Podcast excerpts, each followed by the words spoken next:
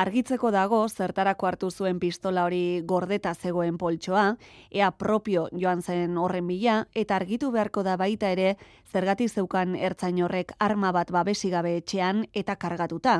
Entzun Radio Euskadin Josu Erkoreka segurtasun zailburua ikertuko da ikertu behar bada, zen nolako baldintzetan e, zegoen arma hori. Arma hori esen e, publikoa, esen ofiziala, privatua zen.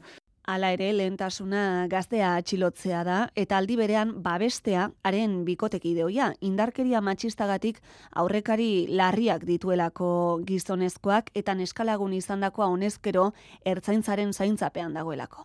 Eskalagun hori biktima moduan kalifikatuta dagoela eta oso larriki gainera eta beraz, babes neurriak e, ba, indartu egin dira, jakinik orain persona hau kalez kale dabilela bere arma horrekin, ez da? Basan bezala, emeretzi urteko gaztea da ertzaintza bilatzen ari dena, barakaldoko zubi eta inguruetan eta pistola bat darama.